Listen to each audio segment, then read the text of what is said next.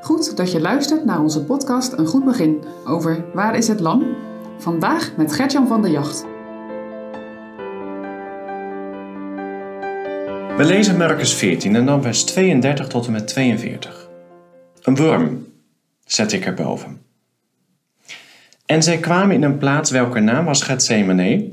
En hij zei tot zijn discipelen, zit hier neder totdat ik gebeden zal hebben. En hij nam met zich Petrus en Jacobus en Johannes en begon verbaasd en zeer beangst te worden. En zei tot hen, Mijn ziel is geheel bedroefd tot de dood toe. Blijft hier en waakt. En een weinig voortgegaan zijnde viel hij op de aarde en bad, zo mogelijk waren dat die uren van hem voorbij ging. En hij zei, Abba, Vader, alle dingen zijn nu mogelijk, neem deze drinkbeker van mij weg. Doch niet wat ik wil, maar wat gij wilt. En hij kwam en vond hen slapend en zei tot Petrus, Simon, slaapt gij? Kunt gij niet één uur waken? Waakt en bid, opdat gij niet in verzoeking komt. De geest is wel gewillig, maar het vlees is zwak. En wederom, heen gegaan zijnde, bad hij, sprekende dezelfde woorden. En wedergekeerd zijnde vond hij hen wederom slapend, want hun ogen waren bezwaard, en zij wisten niet wat zij hem antwoorden zouden. En hij kwam ten derde male en zei tot hen, Slaap nu voort en rust. Het is genoeg. De uren is gekomen. Zie, de zoon des mensen wordt overgeleverd in de handen der zondaren. Staat op, laat ons gaan. Zie, die mij verraadt is nabij. Zojuist heeft de Heer Jezus zijn discipelen verteld dat ze hem verlogen en verlaten zullen. Dat gesprek was op de weg naar Gethsemane. Daar zijn ze ondertussen aangekomen. Hier begint het lijden van de Heer Jezus echt. Ja, zijn hele leven op aarde was een weg van lijden, maar hier werd het anders. Hij begon verbaasd en zeer beangst te worden en hij zei: Mijn ziel is geheel bedroefd tot de dood toe. Een ontzettende strijd vindt plaats.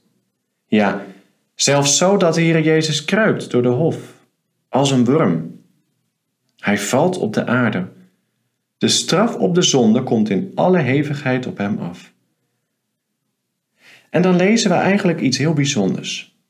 Iets wat ik zelf nooit zo goed begreep. Abba, Vader, alle dingen zijn u mogelijk. Neem deze drinkbeker van mij weg. Doch niet wat ik wil, maar wat gij wilt. Hij wilde de straf toch dragen? Waarom dan dit gebed? Je weet misschien wel dat de Heer Jezus mens en God in één persoon was. In de Heidelbergse catechismus staat dat hij waarachtig God en waarachtig rechtvaardig mens is.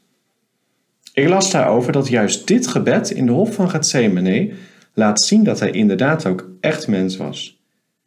En als mens kun je niet anders dan een afschuw hebben voor het lijden. En dat laat hem bidden. Neem deze drinkbeker van mij weg.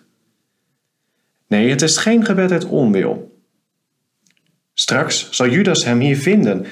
Het was geen geheime plek waar hij was. En toch heeft hij die plek niet ontweken.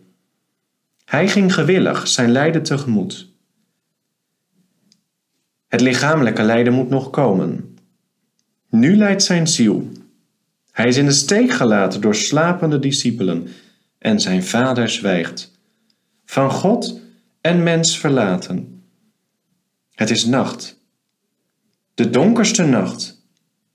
Ik zet deze nacht van Jezus lijden tegenover de eeuwige nacht die volgt op onze zonden. Deze nacht is niet uitzichtloos. De eeuwige nacht wel. Aan deze donkerste nacht is een einde gekomen, want morgen zal Jezus uitroepen: Het is volbracht. Dan breekt de zon door. Het zal weer licht worden door Jezus. Door Jezus lijden hoeven wij de straf niet te dragen. Geloof jij dat?